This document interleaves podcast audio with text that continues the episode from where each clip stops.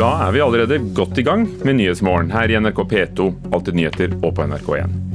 Strenge tiltak er fortsatt nødvendige, sier samfunnsmedisineren, som kommer for å kommentere det vi fikk vite i går, om hva vi kan gjøre og ikke kan gjøre i tida fram mot sommeren. Europakorrespondenten vår er i Frankrike, der myndighetene har strammet grepet ytterligere.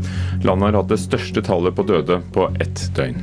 Og I løpet av Nyhetsmorgen så skal vi høre fra våre korrespondenter og reportere. Vi skal til Kina, der byen Wuhan åpner igjen etter tre måneder. Og vi skal også til Sverige, bl.a. Mange har meldt seg frivillig til Heimevernet for å være grensevakter. Og det trengs tydeligvis. Det er noen gjengangere som eh, blir pålagt karantene den ene dagen, og som kommer tilbake med ny handlepose dagen etter. Og midt i alt det som skjer, i Bergen holder en platebutikk til gående, til glede for de få som går forbi, som de har gjort når det har vært harde tider før. Den største krisen, for å si det sånn, det var vel gjerne da folk plutselig begynte å slutte å kjøpe CD-plater. Make the world go away. Ugo Farmarello og Hilde Nilsson Ridola ønsker deg velkommen, og vi er her til klokka ti. Ikke alle barn får begynne igjen på skolen når første til fjerde trinn skal åpnes 27. april. Årsaken er at barn som er i risikogrupper, eller som bor med noen i risikosonen for covid-19, fortsatt skal holdes hjemme. Og Det kan bety mye mer hjemmeundervisning for mange familier, sier kunnskapsminister Guri Melby. Det er jo viktig at de som defineres å være i risikogruppa, at de får en mulighet til hjemmeundervisning fortsatt. Det er jo barn som har andre underliggende sykdommer, om det er knytta til lungene eller hjertet astma, andre sånne type sykdommer. Det kan også være barn som har foreldre som er i risikosonen, eller søsken som er i risikosonen. Da skal heller ikke dem komme på skolen, men få hjemmeundervisning i stedet. Når skolen nå åpnes for de yngste om tre uker, er det altså mange barn som likevel ikke skal være med tilbake til skolebenken. I Norge har én av fire barn astma, og 8% av de voksne. 150 000 nordmenn har kols, og en kvart million nordmenn har diabetes, og listen fortsetter. Dette er tallene som nå bekymrer seniorrådgiver i Norges astma- og allergiforbund, Anna Bistrup. Dette vil i så fall gjelde svært mange barn. Ikke bare barn som selv har en diagnose i denne risikogruppen, men også barn av foreldre som har en eh, diagnose, eller rett og slett søsken i risikogruppen. Og hvis man regner sammen hvor mange som har astma, diabetes, hjerte-karsykdommer og kreft, så inkluderer dette utrolig mange nordmenn. Hun kan nesten ikke tro at så mange barn i første til fjerde trinn fortsatt skal holdes hjemme fra skolen. Astma- og Allergiforbundet blir litt betenkt av en sånn uttalelse, og det er rett og slett fordi vi som pasientorganisasjon har behov for at våre medlemmer får gode og faglig funderte råd som er i tråd med hva helsepersonell og helsemyndighetene sier. Så vi ber eh, regjeringen om å presisere denne uttalelsen tydeligere, Sånn at det er lettere å forholde seg til, og lettere for både barn og foreldre å kunne ta de riktige valgene i forhold til skolestart. Kunnskapsministeren sier de skal bruke de neste ukene på å få klarhet i hvilke barn de fortsatt ønsker å holde hjemme. Og så reiser det neste spørsmålet seg. Hvis noen barn får komme tilbake til ordinær undervisning på skolen, mens andre barn skal undervises av foreldre i hjemmeskole, kan man risikere at de barna som holdes hjemme pga. sykdom i familien, faller bakpå i undervisningen. Ja, vi er nødt til å sørge for at alle barn får et godt opplæringstilbud, sier kunnskapsministeren. Og når skolene nå får nesten to uker på å forberede seg, så forventer jeg også at de greier å planlegge et godt tilbud for disse barna. Og reporter her var Ida Teresa Myklebost, som eh, traff Guri Melby, kunnskapsministeren. Assisterende helsedirektør Espen Rostrup Nakstad, dette her blir litt komplisert for folk. Kan det bli for mange råd? Ja, nei, Det er alltid en fare for at dette kan bli komplisert. Jeg tror nå at de kjørereglene som da Folkehelseinstituttet og for så vidt også Helsedirektoratet er i ferd med å utarbeide nå, at de vil bli veldig tydelige på både når det er trygt å åpne, hvordan man skal gjøre det, og for så vidt også hva man skal gjøre hvis, eh, hvis det blir mer smitte i en skole- eller barnesammenheng. Men det vil nok være sånn nå at man må tilpasse da eh, det man gjør til den enkeltes behov også. Så det blir et sånt eh, vurderingsarbeid for den enkelte sårbare elev, eller en elev som har sårbare foreldre eller, eller søsken. Og det må man rett og slett bare gjøre og finne en god løsning på. Men når barnehager åpner og skolen også for de minste åpner, hvor mye mer smitte må vi forvente oss da? Nei, Det kommer helt an på da hvor mange vi har som har smitte i samfunnet på det tidspunktet. Og Sånn det ser ut nå, så, så, avtar denne pandemien i Norge, og vi får færre og færre syke. Og Sannsynligvis vil vi ha barnehager og skoler hvor det ikke er et eneste smittetilfelle. Eh, og Da vil det være trygt å kunne åpne, eh, gitt at man følger godt med fortsatt. Men så mener Folkehelseinstituttet at hovedbølgen av epidemien fortsatt ligger foran oss, og mange vil da bli syke. Hvor mange? Nei, altså det er sånn at Så lenge dette viruset sirkulerer i verden, eh, og inntil vi da får en vaksine eller dette viruset eventuelt muterer og blir mindre smittsomt og gir mindre sykdom, så er det en fare for oppblussing. Eh, og Særlig hvis grensene åpnes etter hvert igjen og man får mer importsmitte, så øker den risikoen. Men det er igjen sånn at hvis vi i utgangspunktet har få syke i Norge, så er det lettere å oppdage et sånt oppbluss, og det er ikke sikkert det blir så stort. Men hva skal til for å stramme inn igjen, da, når det nå lempes litt opp? Hvor, hvor mye mer må R være på? sånn re Nei, det er det nok ikke dette R-tallet, fordi det tar for lang tid å beregne. Og ja. det er jo en forsinkelse på et par uker vanligvis i, i, i sånne modelleringer. Den R-en vi har nå på 0,7 reflekterer nok situasjonen da mange dager tilbake. Men det man må følge på, er smittetallene fra dag til dag. Hvis man plutselig ser at det øker på i en by eller en kommune, at nå begynner vi å få flere smittede som tester positivt, da må man sette i gang tiltak og kartlegge det, og da kan man lykkes med å holde det nede. R-tall, ja. For når vi hører fra Sverige at en professor der eh, forventer en, en, en bølge av smitte pga. at de har vært mindre strenge i, i, i, tiltakene, så er det vel lite som skal til uh, når to land ligger så nær hverandre og, og kanskje flyplassen åpner igjen? Jeg, jeg tror den litt sånn teoretiske tanken om at uh, at har man mange syke til enhver tid, altså en litt sånn bremsstrategi som man kjører i Sverige, så er det som veldig mye lettere å kontrollere. Jeg tror den egentlig er helt feil. Jeg tror Jo flere du har med aktiv sykdom i, i et land, jo større sjanse er det for å få oppbluss som går under radaren, og jo vanskeligere er det å få kontroll. og når de ligger så nærme oss, hva da? Nei, Da betyr det at, eh, at når vi etter hvert åpner grenser mot Sverige, så, så må man være obs på dette med importsmitte. Eh, og hvordan det skal gjøres i praksis. Det avhengig av hvilken situasjon man er i da. Det kan jo være at Sverige etter hvert får god kontroll og får færre syke enn vi har i Norge også. Så, så det vet vi ikke ennå. 15.6 er jo da satt som foreløpig innskrenking også for kultur og idrett. Men eh, hva vil du da si til de som f.eks. lurer på sommerbryllupet sitt? Og Det er et veldig godt spørsmål som jeg forstår at veldig mange tenker på. Og Det gjelder egentlig alle det som ønsker seg nå forutsigbarhet for hva som skjer til sommeren. Eh, regjeringen har jo sagt noe om eh, at man vil komme tilbake når det gjelder større arrangementer og typisk festivalsommeraktiviteter. Eh, men for den enkelte nå så, så, tror jeg man på en måte må prøve å lese terrenget litt ut fra hva man ser i mediebildet og, og, og hvilke signaler som kommer. Og så er det fortsatt veldig vanskelig å si om man i sommer kan ha arrangementer med få deltakere, eller hvor grensen skal settes. Det er veldig vanskelig å si ennå. Ja, så du sier det ikke? Nei, jeg har ingen forutsetninger for å kunne si det med sikkerhet nå, men, men, det er jo noe man følger nøye med på og gjerne vil kommunisere da, når man kan. Påsken står for døren. Det er annerledes dager, selv om mange ikke gjør det de pleier å gjøre i påsken. Har du en oppfordring til oss? Nei, jeg, som jeg har sagt før, så jeg tror det er, alltid bra å tenke på litt annet enn koronavirus og hygge seg litt i påsken så godt man kan.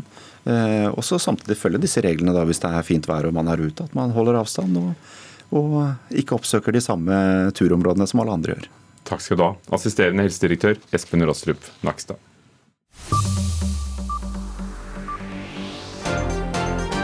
Og dette skjedde mens du sov. Innbyggerne i Wuhan i Kina kastet seg ut av byen etter elleve uker i isolasjon. Kolonner av biler kjørte ut på veiene idet byen ble frigjort ved midnatt.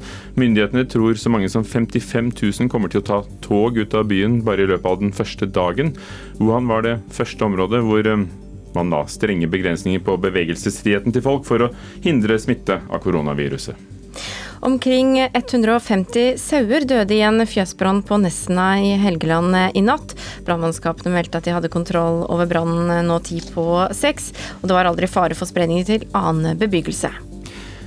Til tross for 13 dager med intensivbehandling mot koronaviruset døde countryartist John Prine i Nashville i USA. Pine spilte i Oslo konserthus så sent som i februar i år. Og den mest kjente låten hans, som han også gjorde sammen med Nancy Griffith, er denne.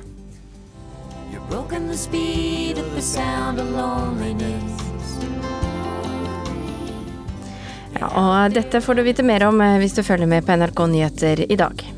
Verdens helseorganisasjon skal i løpet av dagen orientere om covid-19-situasjonen. Til sammen er 1,4 millioner mennesker bekreftet smittet. 82 000 er døde. Og EUs utviklingsministre holder videokonferanse for å godkjenne en koronavirushjelpepakke for Afrika. EU-kommisjonen kunngjorde i går at de vil gi 15 millioner euro til verdens fattigste land for å hjelpe dem i kampen mot eh, koronapandemien.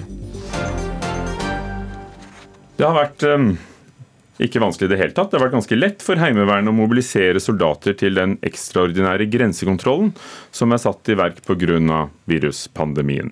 Rundt 300 heimevernssoldater er satt inn i grensekontroll over hele landet. Glenn Fosser er glad for å gjøre en innsats. Nå gjør vi en jobb for samfunnet for å hindre den spredningen. Og da føler du at du går og legger deg om morgenen eller kvelden med god samvittighet. Da. Til daglig fuger 33-åringen sprekker på bad og rundt vinduer og dører så det blir tett.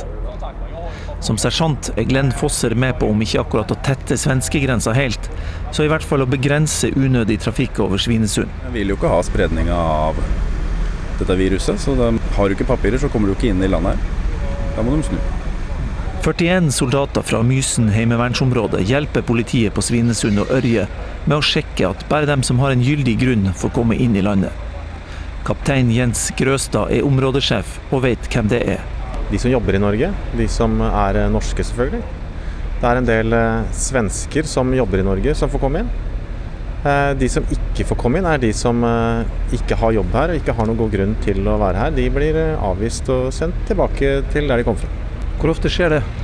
Det er vel snakk om en mellom 10 og 20 stykker kanskje i døgnet her på hovedstasjonen på Svinesund. Den som har vært i utlandet skal med få unntak i karantene.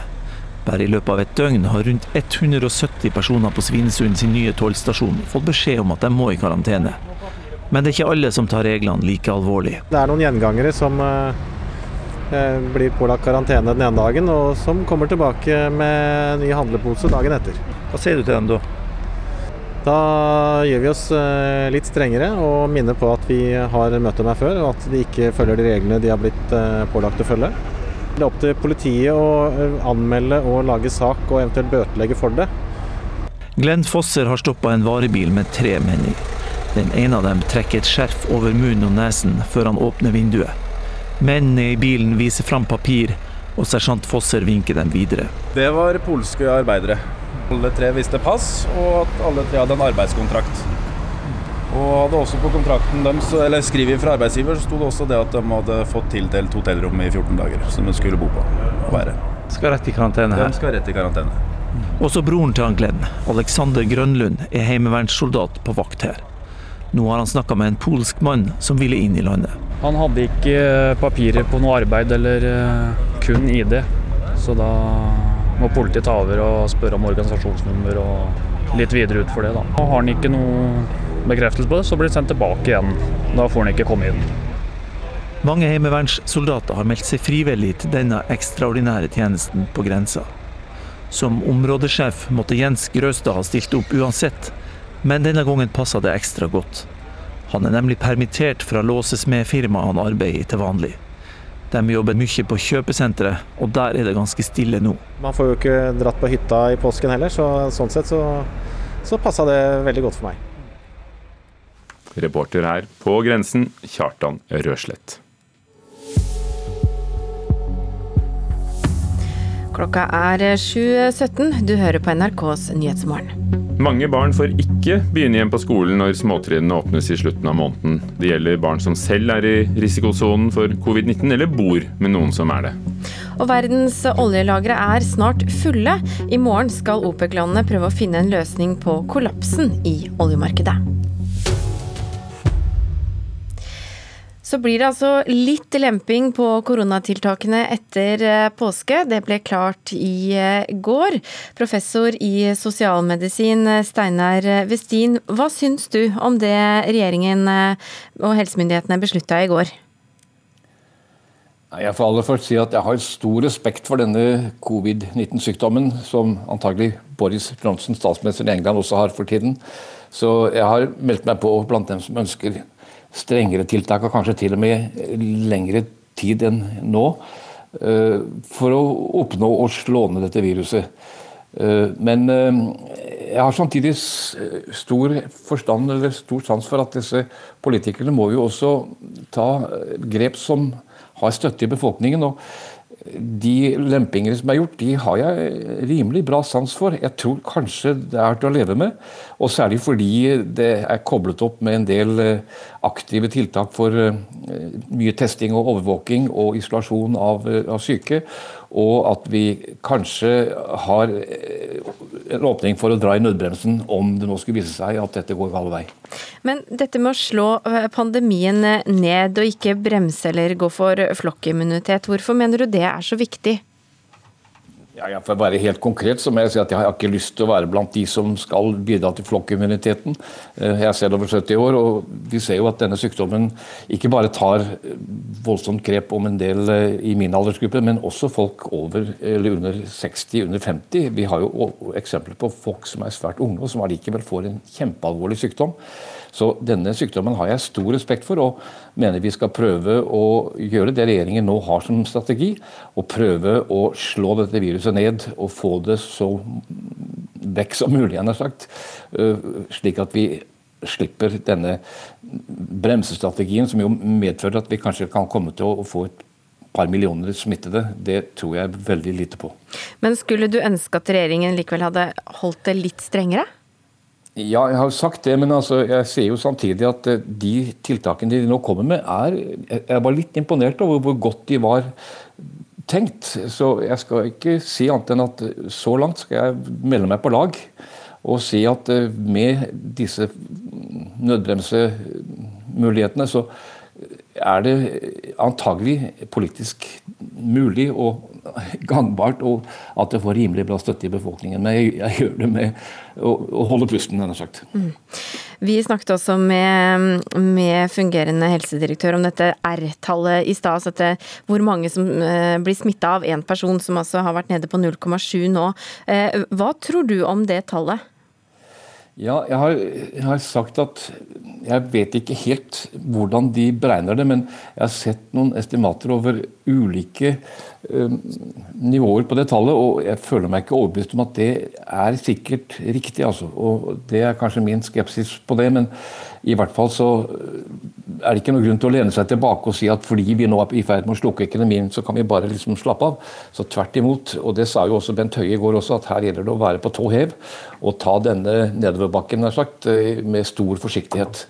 Men du, hva, hva, tro, ja, hva tror du disse tiltakene uh, har gjort med oss nordmenn? Jeg tror jo at vi Jeg var veldig fornøyd med at regjeringen tok disse tiltakene den 12. mars, som gjorde at vi virkelig skjønte at dette var ramme alvor. Og jeg tror folk har blitt rimelig flinke til å te seg på andre måter enn de gjorde før. Så på mange måter så kan det jo hende at det har skapt en slags holdning i befolkningen som gjør at vi nå kan gå litt videre med denne forsiktigheten. Professor i sosialmedisin Steinar Westin, takk for at du var med oss i eh, Nyhetsmorgen. Og det blir mer om eh, tiltak og strategi for å bekjempe korona når du får besøk av en, eh, en tidligere og en nåværende helseminister i Politisk kvarter, programleder Astrid Randen. Ja, jeg får besøk av Jonas Gahr Støre og dagens helseminister Bent Høie, som i går sa at vi sammen har klatra opp ei lang fjellside. Men eh, at vi ikke må tro at eh, turen er over fordi vi har nådd toppen. Vi må huske at det kan være slitsomt og vanskelig å gå ned igjen også. Men har vi nådd toppen? Folkehelseinstituttet tror fremdeles at eh, vi ikke kan unngå en stor epidemi. Og så er det slik at regjeringa jo har som mål at vi skal ha en slå-ned-strategi. Altså vi skal slå ned dette viruset. Men eh, det fordrer storstilt testing. Jonas Gahr Støre er bekymra, og sier han får tilbakemeldinger fra ordførere landet rundt om eh, at testkapasiteten er begrensa pga. mangel på utstyr, og sier at dette må regjeringa få på plass. Jonas Gahr Støre og Bent Høie møtes altså hos Astrid Randen i Politisk kvarter 745. Spania, Italia, Frankrike er tre hardt rammede land av koronavirusepidemien. I Spania gikk igjen tallet på registrerte døde i døgnet opp etter å ha sunket tre dager på rad. Og så var det tallene i Frankrike som fikk eh, mye oppmerksomhet i, i går. 1400 døde registrert på ett døgn, det høyeste antallet hittil på 24 timer. Europakorrespondent Philip Lotte, du har tatt veien til Moulouse i Alsace i Frankrike. Hva er årsaken til de høye tallene nå? Ja, god morgen fra Jeg kan bare si at eh, Det lokale portforbudet her det ble avsluttet for bare en time siden. og kan, som man kan fortelle herfra, så er det ikke det helt store morgenrushet. Det er helt tomt. og Mulås er da senter for det første voldsomme store utbruddet i Frankrike. Og Når man ser på det store dødstallet som ble rapportert inn i går, så handler det om at man har begynt å telle eh, de som har dødd i eldresenteret. Eh, så man er ikke 100% sikker på om de døde i løpet av det siste døgnet, men de ble registrert i løpet av det siste døgnet. Og da fikk man et så høyt tall som 1417 i Frankrike i går, eh, som da sjokkerte en del franskmenn. Og dette har ført til eh, nye og strengere tiltak, alt fra joggeforbud om dagen i Paris til eh, portforbud andre byer, og testing på, på nettopp sykehjemmene. Hvor i denne rekken av tiltak er Frankrike nå? Frankrike er der hvor de nå føler at uh, de er i ferd med å få en oversikt. og si Kontroll over utbruddet er, er kanskje å, å, ta i. Uh, man frykter jo at det skal blusse opp igjen. Uh, og man har jo forlenget tiltakene. Her i Mulhouse, som er en hardt rammet by, så har man da egne regler i tillegg til de restriksjonene som gjelder for hele Frankrike. Bl.a. dette portforbudet som gjelder fra klokken ni om kvelden til seks om morgenen, der man ikke skal ut i det hele tatt. Eh, og I Paris i går så innførte eh, ordfører Anne Hidalgo eh, et eget forbud mot sportslige aktiviteter på dagen. Man får ikke lov å jogge mellom klokken ti og syv på kvelden eller gjøre noe annet. Dette fordi at mange i hovedstaden ikke klarte å holde seg inne og sto for tett sammen da det var fint vær i helgen. Og Denne type tiltak har da blitt kunngjort i flere byer i Frankrike. Og så har man en intens diskusjon om hvordan man skal få i gang et testeregime så man klarer å kartlegge virusets spredning og hvor det er. 10 000 er da tallet Frankrike har nådd nå på antall døde i denne epidemien. Noe lignende er tilfellet i, i Belgia, noen av de samme situasjonene, ikke sant? Ja, I Belgia så har man også fått eh, en ganske brå oppgang i går. Da rapporterte man om over 400 døde, og det er en dobling av det høyeste. Mer enn en dobling. Og igjen så er det da eldre som man har eh, begynt å oppdage har dødd pga. koronaviruset i eldrehjem. Man har testet dem eh, i etterkant. Eh, og de tallene som kom inn i går, det var tall fra Flandern, over 200. Så igjen, ikke gitt at de har dødd i løpet av det siste døgnet, men de har blitt da registrert i løpet av det siste døgnet, og det fikk eh, tallet til å gå i været i Belgia. Takk skal du ha, Philip Lote, europakorrespondent på plass i, i i Frankrike. Nå til nestoren innen norsk møbeldesign, Ingmar Relling. Han ville fylt 100 år eh, i dag, 8. april. Relling døde i 2002. Men møbelindustrien på Sunnmøre hadde ikke vært den samme uten han. Møbelindustridesigneren som altså har satt dype spor etter seg. Og jeg tror det er på den måten vi har tenkt her. At vi trekker ut setet sånn Ingmar Relling og sønnen Knut, begge møbeldesignere i møbelbygda Sykkylven, diskuterer formgivning av en ny uttrekkbar stol over tegnebrettet tilbake i 1988. Jeg tror vi er inne på noe der som løser det problemet som vi alltid har hatt, at disse her liggestolene blir for lange. Hva mener du? Ingmar Relling står bak suksessstolen Siesta et møbeleventyr for vestlandske møbelfabrikk. Mer enn 800 000 siestastoler er solgt verden over. President Jimmy Carter kjøpte inn 16 slike siestaer til Det hvite hus. Siestastolen var ei suksessoppskrift for møbelindustrien, laga i laminert tre og seilduk i rygg og sete, festa med nylonsnore og flatpakka. Nå var nå kanskje litt for eh, puritansk da, i sin opprinnelse. Og eh, spesielt blant arkitekter da, så var, var det sånn skrella funksjonalisme. Den var ikke så lett å selge pga. komforten.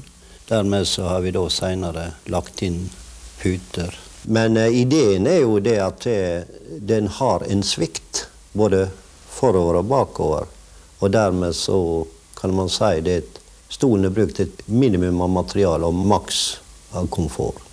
Ja, Ingmar Elling han var jo den første designeren som satte seg mot møbelindustrien, eh, som vi hadde mange bedrifter av på, på Sunnmøre.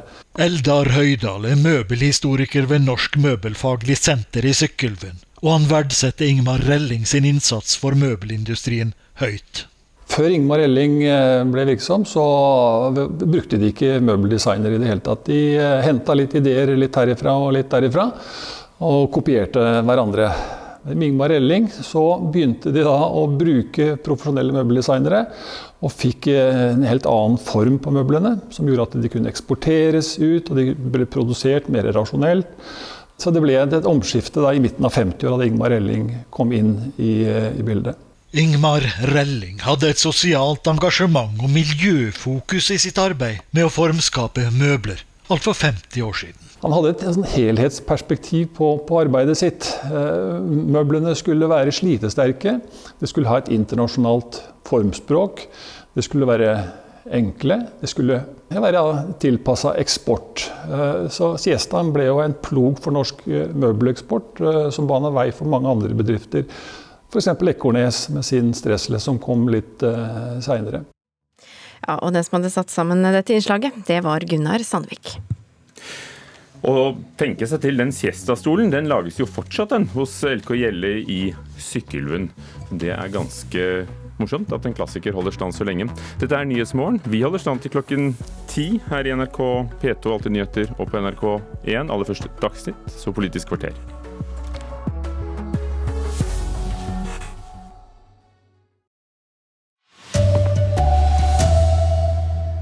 Skolene åpner for de yngste elevene 27.4, men mange av dem må likevel vente enda lenger.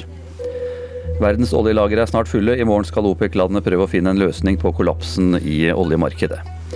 Heimevernet har ikke vansker med å mobilisere soldater til grensekontroll. Mange har meldt seg frivillig. Her er eh, NRK Dagsnytt, klokka er 7.30. Mange barn får altså ikke gå tilbake til skolen når eh, første til fjerde trinn åpnes 27.4 likevel. Grunnen er at barn som er i risikogrupper eller som bor med noen i risikosonen, fortsatt skal eh, holdes hjemme. Det kan bety mye mer hjemmeundervisning for mange norske familier, sier kunnskapsminister Guri Melby. Det er nok mange som må belage seg på at man må fortsette med hjemmeundervisning en god stund til enda. Det er jo barn som har andre underliggende sykdommer knytta til lungene eller hjertet, astma. Det kan også være barn som har foreldre som er i risikosonen, eller søsken som er i risikosonen. Da skal heller ikke dem komme på skolen, men få hjemmeundervisning i stedet. Når skolen nå åpnes for de yngste om tre uker, er det altså mange barn som likevel ikke skal være med tilbake til skolebenken. I Norge har én av fire barn astma, og 8% av de voksne. 150 000 nordmenn har kols, og en kvart million nordmenn har diabetes, og listen fortsetter.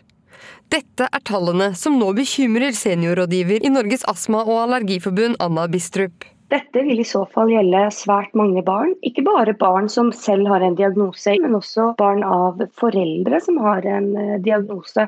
Eller rett og slett søsken i risikogruppen. Og hvis man regner sammen hvor mange som har astma, diabetes, hjerte-karsykdommer og kreft, så inkluderer dette utrolig mange nordmenn. Hun kan nesten ikke tro at så mange barn i første til fjerde trinn fortsatt skal holdes hjemme fra skolen. Astma- og Allergiforbundet blir litt betenkt av en sånn uttalelse. Vi ber regjeringen om å presisere den uttalelsen tydeligere, sånn at det er lettere å forholde seg til. Kunnskapsministeren sier de skal bruke de neste ukene på å få klarhet i hvilke barn de fortsatt ønsker å holde hjemme. Det er jo en god del nordmenn som defineres å være i risikogruppa, men nå skal vi bruke den tida vi har fram til skolene og barnehagene åpner for å finne ut hvem de er, og også sørge for at de får et godt tilbud. Reporter her, Ida Teresa Myklebost. Assisterende helsedirektør eh, Espen Rostrup Nakstad eh, hører litt usikkerhet og litt forvirring rundt eh, nye tiltak her. Har du forståelse for at det er litt uklart? Ja, det, det har vi selvsagt. Dette er, er uklart, og, men nå jobbes det med å lage kjøreregler som skal være tydelige for alle barnehager og skoler. Folkehelseinstituttet er i gang med det arbeidet. Eh, og da vil det være enklere å forholde seg til da, hvordan man skal åpne barnehager og skoler. Hvordan det skal skje på en trygg måte, og hva man må passe på både som foreldre og skole- og barnehageansatte. Og når eh, skolen og barnehagene er i gang igjen, så må man vel kanskje kunne forvente mer smitte. Hvor mye smitte regner dere med? Ja, Det kommer jo an på hvor mye smitte vi har på det tidspunktet i den kommunen eller den skolekretsen eller barnehagekretsen.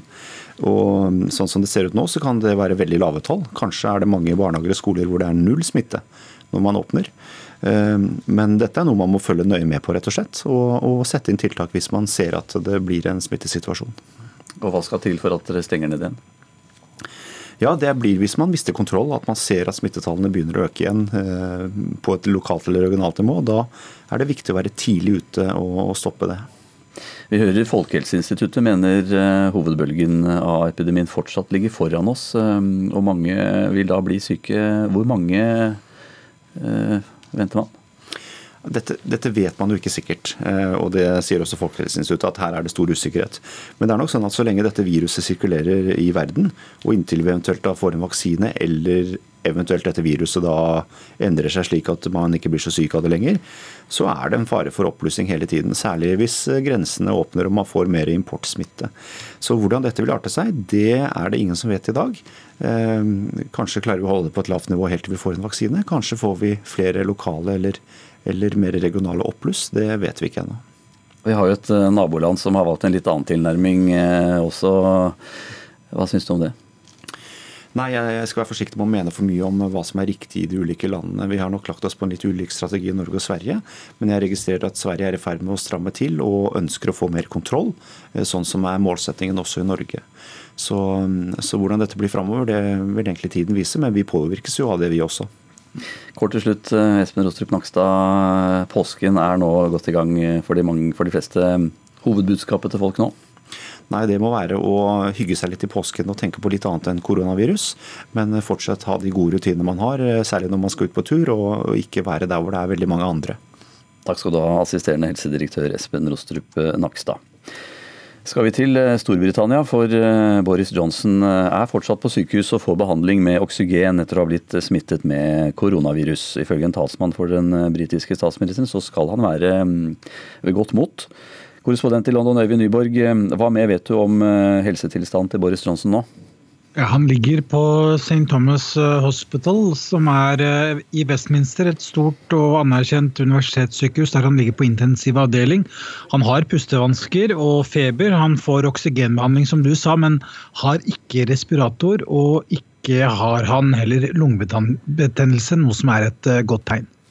Og så har utenriksminister Dominic Raab uh, tatt over uh, rollen som uh, statsminister mens Johnson er på sykehuset. Hvilke utfordringer har han å stri med om dagen? Det pågår jo en kamp innad i regjeringen om når det eventuelt er lurt å lette på portforbudet. Og Raab han har kanskje ikke den nødvendige autoritet som tilhører en statsminister. Og trolig sies det her nå at det vil være Johnson selv som må ta en endelig avgjørelse om man skal lette på tiltakene. Så det er et lite maktvakuum nå i nummer ti. Men Britiske myndigheter har jo fått kritikk for at de innførte tiltak mot eh, koronavirus eh, for sent. Hvordan er eh, situasjonen i landet egentlig? Det er stygge tall, Anders. Det dør jo nå en brite hvert halvannet minutt, og det er dystre tall.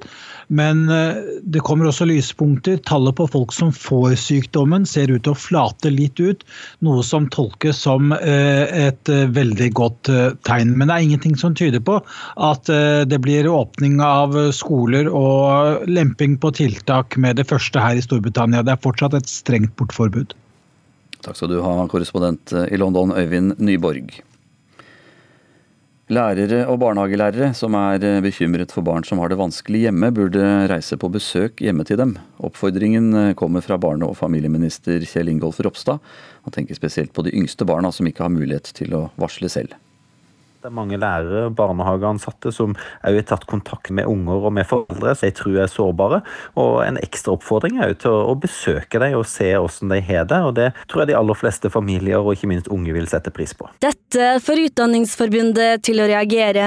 Mange er uroa for sårbare barn nå når barnehage og skoler er stengt, men det er ikke lærere sitt ansvar å oppsøke folk hjemme. Det sier lærer og sentralstyremedlem i Utdanningsforbundet Siri Skjæveland Lode. Å oppsøke barn hjemme det er barnevernet sin oppgave og sitt ansvar. Og ikke noe lærere eller barnehagelærere skal gjøre. Dette fordi barnehagelærere og lærere ikke har kompetanse i å fare på heimebesøk til sårbare barn. Dersom vi uroer oss alvorlig for barn eller unge, så skal en varsle og bidra til at rett fagmyndighet fyller opp. Mimmi Kvisvik, forbundsleder i Fellesorganisasjonen som organiserer barnevernsarbeidere, er enig. Hun mener vi heller burde bruke de systemene og rutinene vi allerede har. Nemlig å melde til, til barnevernet. Kvisvik er usikker på om Ropstad har forstått hva som er barnevernet og skolens rolle.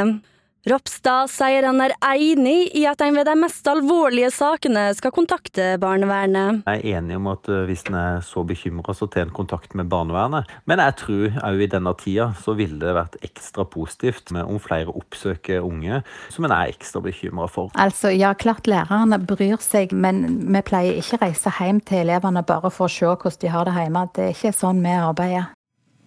Sa til slutt Siri Skjæveland Lode i Utdanningsforbundet. Kunnskapsminister Guri Melby ønsker ikke kommentere denne saken overfor NRK. Reporter her, Vilde Gjerde Lid. Ekspertene anslår at hver dag produseres et tjuetalls millioner oljefat mer enn det som etterspørres. Oljelagre verden over er snart fulle. I morgen skal OPEC-landene møte andre store oljeproduserende land for å diskutere og kutte i produksjonen. Oljemarkedet har aldri i moderne tid vært i en vanskeligere situasjon, sier analysesjef i Rystad Energy, Bjørnar Tonhaugen, som frykter at man kan gå tom for lagringsplass for olje i løpet av få uker. Jeg tror dette er vanskelig å bli enige om. Fordi det, det, gjelder her et så stort problem som man ikke helt har begrep om omfanget av ennå. For det finnes uh, ingen fasitsvar på hvor mye faktisk oljeetterspørselen nå har gått ned. Sa analysesjef i Rysta Energy, Bjørnar Tonhaugen. Rusmisbrukere er en spesiell sårbar gruppe nå. For hvis koronaviruset rammer dette miljøet, så er det svært mange som kan dø. Derfor jobbes det nå på spreng for å få til ordninger som kan hjelpe på situasjonen. I gamle dager, før koronaen kom til Norge, stimlet rusmisbrukerne sammen i Brugata. Her har vi en akuttsituasjon.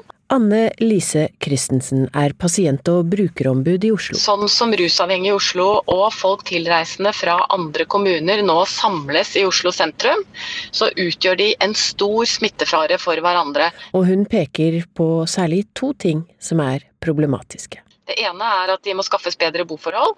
Vi vet at mange bor med felles bad og dusj. Det andre er at jeg tror det er helt nødvendig at man intensiverer det arbeidet man har påbegynt med å skaffe substitusjonsbehandling. Og det er ting på gang for å få til dette. Helt konkret nå så jobber Helsedirektoratet med å oppdatere anbefalingene for kommuner og spesialisthelsetjeneste på rus- og avhengighetsfeltet. Christian Oldik er seniorrådgiver i Avdeling for psykisk helse og rus i Helsedirektoratet, og forteller at det er konkrete ting på gang for å hindre smittespredning. Et viktig poeng i den sammenheng er at pasienter med opioidavhengighet bør sikres lett tilgjengelighet for vurdering for inntak i substitusjonsbehandling. Og her må også fastlegene på banen. Helseminister Bent Høie er også tydelig på dette punktet. Og Fastlegen har også muligheten til å gi medikamentell behandling der det er faglig riktig. Reporter her, det var Anette Hobsen.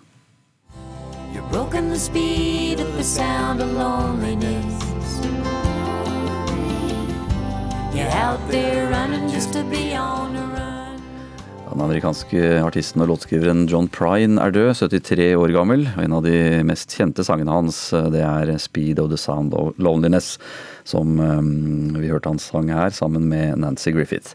Prine døde på sykehuset i Nashville etter at han for halvannen uke siden fikk covid-19-symptomer. Prine han gjestet Oslo konserthus så sent som 9. februar i år.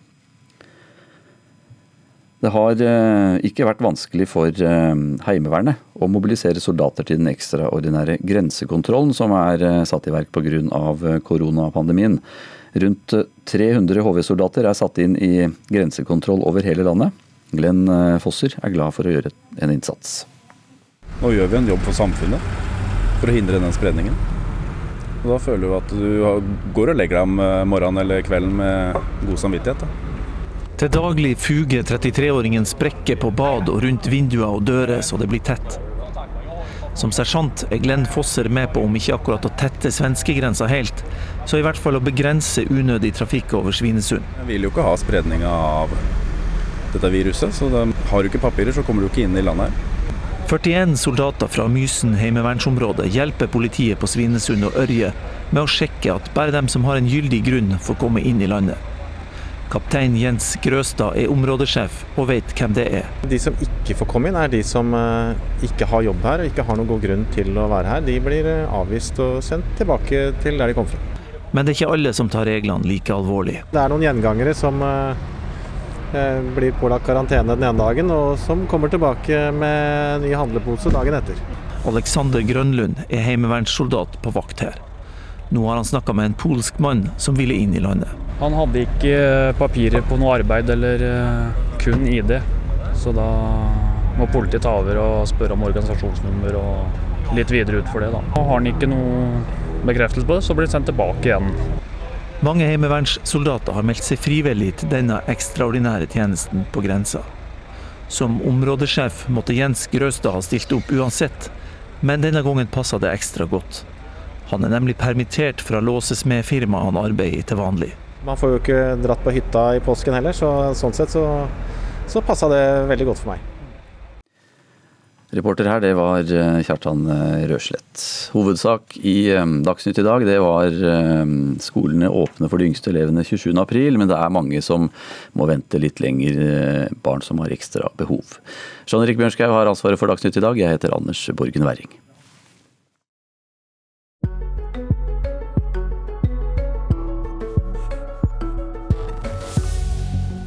Har vi nådd toppen av epidemien i Norge, og har vi nok tester til å følge regjeringa sin slå-ned-strategi? Vi spør en tidligere helseminister og nåværende helseminister i dagens Politiske kvarter. God morgen. I går kom svaret mange venta på. Vi skal gradvis åpne samfunnet igjen. Men veien fram dit har vært lang og bratt. I går kunne vi høre helseministeren si dette. Det er alltid en lettelse å nå toppen etter å ha slitt seg opp eh, en lang og bratt eh, fjellside. Og mange tror at det er tyngre å gå oppover enn å gå nedover. Men eh, turen ned fra toppen er vel så krevende som turen opp. Bent Høie, hvordan vet du at vi har nådd toppen? Vi har gjort en kjempejobb sammen. og Det betyr at vi har klart å få smitten i Norge ned under én. Altså at én person smitter mindre enn én en person. og Det har kosta veldig mye. Men uh, dette bildet brukte jeg òg for å si at uh, det skal veldig lite til uh, når vi har brukt så mye krefter på å komme dit og miste kontrollen igjen. og Hvis vi mister kontrollen igjen, så ligger jo smittetoppen foran oss og ikke bak oss. og Det betyr at vi er nødt til å gjøre de tingene vi nå gjør, sammen. Og vi er nødt til å gjøre det kontrollert, og vi er nødt til å bruke tid. For det er den måten vi nå kan komme videre på. Det er det òg vi gjør når vi går ned fra fjellet. Vi går ikke fra hverandre. Vi eh, går forsiktig for å ikke skli og ramle, og vi bruker god tid fordi det er høyere risiko for å skade seg eh, i, en sånn situasjon når du er litt sliten. og Det er jo òg vi nå, etter å ha gjort den store jobben som vi har gjort sammen. Folkehelseinstituttet skriver at vi ikke kan unngå en stor epidemi. De skriver vi regner med at Norge vil gjennomgå en covid-19-epidemi med sannsynlig oppstart for alvor i løpet av året. Helsekonsekvensene og belastningene på helsetjenestene blir store. Hvis jeg forstår deg rett, så er vi på vei opp fjellsida. Vi har ennå langt igjen til toppen. Ja, De beskriver de ulike mulige utviklingsstillinger. Vi sier òg at hvis vi mister kontrollen, så vil vi jo da ha en topp foran oss. Eh, men vi gjør jo det når vi kan for å unngå å komme i en sånn eh, situasjon. Og Dette handler jo òg om, eh, som òg er godt beskrevet i den samme rapporten, at det vi nå jobber etter, er jo å punkt én å få en testkapasitet i Norge som gjør at vi kan teste alle som har en mistanke at vi får eh, tatt i bruk ny teknologi på å spore de som de har vært i kontakt med. For dette er sporingsarbeid i dag. Det krever veldig mye menneskelige ressurser. For det at vi må snakke med hver enkelt, og hver enkelt må ringes opp til alle de de har vært i kontakt med. Nå jobber vi med å utvikle en eh, app som folk kan laste ned på telefonen sin, som gjør at dette arbeidet skjer mye enklere. Og så må vi da i tillegg eh, være sikker på at de som er syke, eh, går i karantene og isolerer seg. Og Gjør vi det, så kan vi gå over og ha mye mindre inngripende tiltak. For da har vi kontroll uten de store inngripende tiltakene som nå rammer alle de som ikke er smitta, eller ikke dermed kan smitte andre. Men Folkehelseinstituttet skriver altså at det er umulig å, å si når er når toppen. Du sier at toppen allerede er nådd? Her er det jo litt ulik kommunikasjon. Nei, det er ikke det. fordi det som jeg sier, at hvis det er sånn at vi klarer å holde smittetallet under én framover, så har vi jo selvfølgelig da ikke en økning foran oss. Men det var forutsetninga ja, ja. for bildet ditt. Og, og, så sier nei, du også... Og så sier jeg òg at så kan det veldig lite til for at vi mister den kontrollen. Og da må vi være forberedt på at vi har en topp foran oss. Og dette okay. er jo viktig, og, eh, som jeg òg har understreket hele veien. men Eh, det Vi må være helt åpne med de ulike mulighetene som vi nå, og risikoen som vi nå står overfor. Fordi dette er et langt løp som vi skal gjøre sammen. Mm. Eh, og Da må vi òg eh, vise hva risiko som ligger foran oss. Og Jonas Gahr Støre, fra leder i Arbeiderpartiet. Kan du som Høie si at vi har nådd toppen, at vi har kontroll, selv om man ikke er sikker på om toppen kan komme seinere òg hvis vi går over smittetallet? La meg først uttrykke anerkjennelse for helseministeren som har stått i dette ganske tøffe kjøret. Og det er jo på mange måter et enormt ansvar da, å forvalte uh, data og kunnskap om helse når vi har en epidemi. Uh, og jeg mener at når hele Norge har stilt opp sammen, så er det riktig som Høie sier, at da må vi fortsette sammen. Men jeg tror det bildet er kanskje feil da, på lang sikt. Eh, det vi leser nå, er at Folkehelseinstituttet i forrige uke mente at det tallet kunne ligge over én. Og så kom det endringer som gjør at de kom under én. Og da er det nok eh, ganske Bør man være varsom, tror jeg, med å si at vi har kontroll i noe som er så variabelt som en smitte, hvor vi har ganske lite kunnskap om smitten ute i befolkningen. Og det å ha nådd toppen tror jeg gir folk bilde. Jeg leser leder i avisen i dag som sier at nå er det over, nå kan vi puste lettet ut. Det tror jeg er feil. For jeg tror Folkehelseinstituttet har en korrekt analyse av hva det vil si at det er en smittet virus løs i Norge. Eh, at vi kan få den smittetoppen foran oss. Eh, disse bildene, eh, Jeg er helt enig med Høie at det å gå ned er ofte like slitsomt som å gå opp. Så det er et godt bilde. Men det som er utfordringen med slå ned-strategien, det er jo at vi kommer til å måtte ha veldig restriktive tiltak i påvente av en vaksine. Det er jo på en måte utløpet av dette. Og landene rundt oss er viruset levende. Eh, og vi kan da få, som Helsedirektoratet skriver, tiltak på ubestemt tid. Eh, og Det utsetter samfunnet for stor belastning. Vi skal beskytte oss eh, mot et virus. Det har vi gjort, det må vi fortsette å gjøre. Men jeg tror vi skal venne oss til at dette er en sak som kommer til å, vare, og at mange av tiltakene vil strekke seg i både ett og to år fram i tid. Okay. Eh, Høie, det har altså valgt denne slå ned-strategien. Men Folkehelseinstituttet eh, avviser at det er en nullvisjon for, eh, for, spredning. Og mener, hvis de forstår det rett, at eh, det eneste alternativet er at vi faktisk må gjennom denne epidemien. Nei, Da tror jeg at du ikke har liksom fått med alle nyansene i FHI sin rapport. Fordi For det første er jeg helt enig, vi kan ikke ha nullvisjon på dette området. Vi vil ha eh, viruset i Norge eh, framover. Det kommer vi sannsynligvis aldri til å bli kvitt. Eh, men, med, men, det som er viktig med slå ned-strategien, og gjør at den er bedre enn alternativet, nemlig å prøve å ha en kontrollert smittespredning i Norge, det er det flere grunner til. Den viktigste grunnen er at det er usikkerhet om immunitet knytta til dette viruset. Sånn at den tradisjonelle tenkningen, hvis vi skulle ha fulgt læreboken, eh, den er ikke sikkert at den eh, kan vi stole på.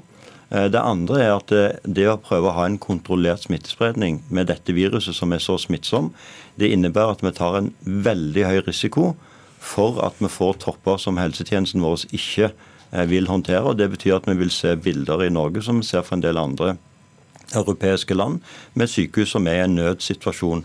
Den risikoen er ikke regjeringen villig til å ta. Det andre er at slå ned-strategien, og det som er fordelen med den, det er at nå foregår det en enorm kunnskapsutvikling i, res, i rekordfast internasjonalt. og Det betyr at vi slår ned strategien, så, så får Norge tid tid til å ta nytten av den kunnskapen. og Det handler både om kunnskap om behandling, der Norge har en ledende rolle, eh, utvikling av vaksine, der Norge har en ledende rolle, men ikke minst kunnskap om å møte dette på nye måter. med okay.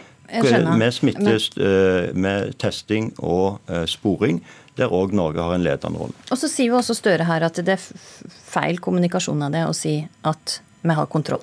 Altså, Hvorfor er det så viktig for deg å si det? Nei, det, En kan godt diskutere hvilke bilder og ord jeg bruker, men det som er viktig Men at vi har kontroll? Ja, ja når vi har en smittespredning som gjør at én person smitter mindre enn én en ny, da har vi kontroll på smittespredningen. Og det var det som jeg sa. Den har kontroll på smittespredningen. Men, jeg sa òg veldig tydelig at vi er, står lett for å miste kontrollen. Og det handler jo òg om å være med på å motivere folk til det lange løpet som vi skal stå i. Men uh, ikke la oss snakke mer om det. Altså, jeg, som sagt, jeg leser i leder avisen i dag at nå er vi forbi smittetoppen og den mest akutte fasen er forbi. Det er ikke sikkert. Men skal vi videre, så er jeg helt enig med Høie at det som trengs nå, er å bruke den tiden med de lave tallene. Og Da er det to ting som er ekstremt viktige. Det ene er jo at intensivkapasitetene på sykehusene våre ruster seg for at det kan komme nye topper. I dag er det kontrollert. Det krever mye. Det krever mye personell, intensiv sykepleiere, folk, og det krever utstyr. Det andre er jo dette med uh, I en uh, slå ned-strategi så må du ha altså testing, sporing og isolering av de som blir syke på plass. Og Det krever også mye. og der er jeg urolig at vi fra starten av denne krisen har jo vært på etterskudd i forhold til testkapasitet. Én eh, ting er hva man har i de store sentrene, men det er mange av kommunene som her mangler utstyr, som må kjøpe inn utstyr selv, og det er uklarhet på det. Så det å komme i gang med testing og sporing, det blir ekstremt viktig. Okay, og så er jo det, det, det, siste poenget er jo det at okay. de viktigste tiltakene mot å spre smitte, de har nordmenn nå veldig godt inne. Store forsamlinger, hygiene osv. Og, så og de tror jeg man kan videreføre uten at det oppfattes å være veldig belastende. Støre er uroa for at vi ikke har nok tester, og vi får også rapporter om at eh, vi mangler veldig mye for å kunne teste mer. Vi mangler prøverør, vi mangler vattbinder, vi mangler kjemikalier og analyseapparat. Og det er få land som eksporterer. Ja, og Norge er jo eh, et land som har, eh, på tross av alt dette, for dette er jo noe som er situasjonen i alle land i verden, er blant de landene som sannsynligvis har testa størst andel av befolkningen. Så vi var forut i en sånn tenkning. Eh, Bl.a. Eh, gjennom et møte som jeg hadde med industrien 3.3, så klarte Norge å nesten doble vår testkapasitet. Det har vi hatt stor fordel av i denne situasjonen. Men, Men vi må, må teste må mer teste enn i dag. og Da har vi en annen fordel, nemlig at vi har et fantastisk kunnskapsmiljø, bl.a. på NTNU, som har utvikla en norskutvikla test som nå prøves ut ved våre store regionsykehus. Lykkes vi med det arbeidet der, så vil vi ha en testkapasitet på rundt 50 000 i uken. Da er vi over i en helt annen situasjon. Det er denne tenkningen som jeg har jobbet etter siden dag én. Og jeg er helt enig i òg de bekymringene som Støre gir uttrykk for. For dette er jo en, vi er jo i en ny situasjon. Dette er det ingen lærebok for. og Det betyr at det vil være innvendinger og bekymringer knytta til alle valg. Men da må vi jo spørre tilbake Mener Jonas at vi skulle ha valgt en, en, en, en bremsstrategi i Norge? Nei. Eh, fordi det, det, er ikke vanskelig å stille spørsmålstegn med de ulike valgene. Det er ikke vanskelig å problematisere dem. Det gjør jeg hver eneste dag. Men spørsmålet er Mener en da at vi skulle valgt en annen strategi? For det er jo det som eventuelt er det politisk interessante spørsmålet i denne sammenheng. Du bør ikke betale. Jeg, jeg gir deg anerkjennelse. Jeg tror norske storting har stilt opp ganske eh, raust bak folkehelsemyndighetene og regjeringen som har fulgt opp de rådene. Men nå står vi i en fase hvor jeg mener deg, det er grunnlag for å diskutere er kommunikasjon riktig å si at vi er forbi toppen. Nå er dette kontrollert. Jeg, er ikke, jeg, jeg siterer deg, så jeg, jeg er ikke sikker på det. Men det som vi også nå må følge opp, det er jo nordmenns skal vi si, kapasitet til å møte forandrede tider. Og det Folkehelseinstituttet snakker om dette med å styrke risikokommunikasjonen. altså Hvordan forholder vi oss til det? Og Når jeg har tatt til orde for det som jeg kaller at neste pakken bør være en folkehelsepakke, det er ikke på linje med bankpakker og den type ting, men nå må vi tenke på at uh, vi har sårbare barn, vi har folk med psykisk helse, vi har folk som er blitt arbeidsledige, permitterte, som opplever store endringer i livene sine. Vi må være der for dem. Så den neste store pakka som ja, skal komme fra Stortinget, den mener ikke du bør handle om bruker, økonomi, jeg, men om folkehelse? Ja, på en måte. Jeg, bruker det bildet for å Hva skal ei sånn pakke inneholde i praksis? Nei, jeg mener f.eks. at uh, dette med de sårbare barna, uh, det at skolene gradvis kommer i gang, det er bra. Det er bra for mange av dem. Men det vil være ganske mange sår der ute som vi nå må følge opp. Altså Det å styrke de som er der for sårbare barn. Det å se og ha tilbud Vi har vedtatt det i Stortinget med kompetanse og utvikling for de som blir permitterte. Men det er mange sosiale effekter i kjølvannet av de tiltakene vi har vært igjennom, og det som ligger foran. For vi har, på, vi har over 400 000 permitterte. Eh, forhåpentligvis kommer en del av de tilbake i jobb når hjulene begynner å, å rulle, men det er store utfordringer der. og en av Motstandskraften i et samfunn handler også om folkehelse, og det må vi nå ha sterkere på dagsorden. Ok, Høie, du får en, et oppdrag her. Folkehelse sterkere helt, på dagsorden. Jeg er helt enig. og Folkehelsen er jo det som har vært Norge, en av Norges sterkeste vaksiner i den situasjonen som vi står i. Og Derfor viser dette at det, eh, det er ingenting som er mer helse enn politikk. Måten som et samfunn er på er utrolig viktig i en situasjon som dette. F.eks. det at folk har trygge ordninger til at de kan la være å gå på jobb og likevel ikke gå konkurs, gjør jo at det er lettere i Norge å holde reglene om isolasjon og karantene. Så Men kan du jobbe sammen med Støre for å få til at den neste store pakka den skal ikke handle om økonomi, den skal handle om folkehelse? Absolutt, og derfor også et viktig budskap for meg nå var jo til helsetjenesten at nå må en etter påske begynne å gå over i en mer normal drift igjen. F.eks. ikke minst knytta til barn og unge deres tilbud innenfor psykisk helse. Det har nå blitt tatt ned fordi kommunene og sykehusene har jobba mye med mobilisering av kapasitet. Nå når vi er i en annen situasjon, så må faktisk den prioritere å gi et tilbud er, til disse barna. Det er en bra erkjennelse at det å investere i fellesskapets helsevesen er bra. Ja, Det har jeg ment hele veien. Ja, eh, Det har vi hatt litt ulike diskusjoner om. Men det å investere i det, det Motstandskraften ved en epidemi er helsevesenet. Og vi har et godt helsevesen, dyktige folk som står på. ser i andre land. Eh, vi, vi, snakket før sending her om at i Storbritannia så antas det at de som kommer på intensivavdelingene, så vil halvparten kunne risikere å dø. Det skjer ikke i Norge, både fordi vi har dyktige folk og godt utstyr, men også fordi folkehelsen Det kan vi vel ikke vite? Nei, det handler bl.a. om at vi Norge har bekjempet tobakk. Vi, vi, vi, har en folkehelse som er, som er sterk, men det må vi ta vare på. og jeg, Det er veldig viktig det nå Eh, at sykehusene, når de får, eh, har fått litt lettelse i behandling av koronapasienter, også får gjort det som er deres vanlige eh, oppdrag. Mange mennesker som venter på behandling, at det kommer i gang. Ok, Der må vi si takk til Jonas Gahr Søre, leder i Arbeiderpartiet, og Bent Høie, helseminister fra Høyre. Men får håpe at det går inn i ei litt stillere veke nå som påska kommer. Det var Politisk kvarter. I studio denne morgenen var Astrid Randen.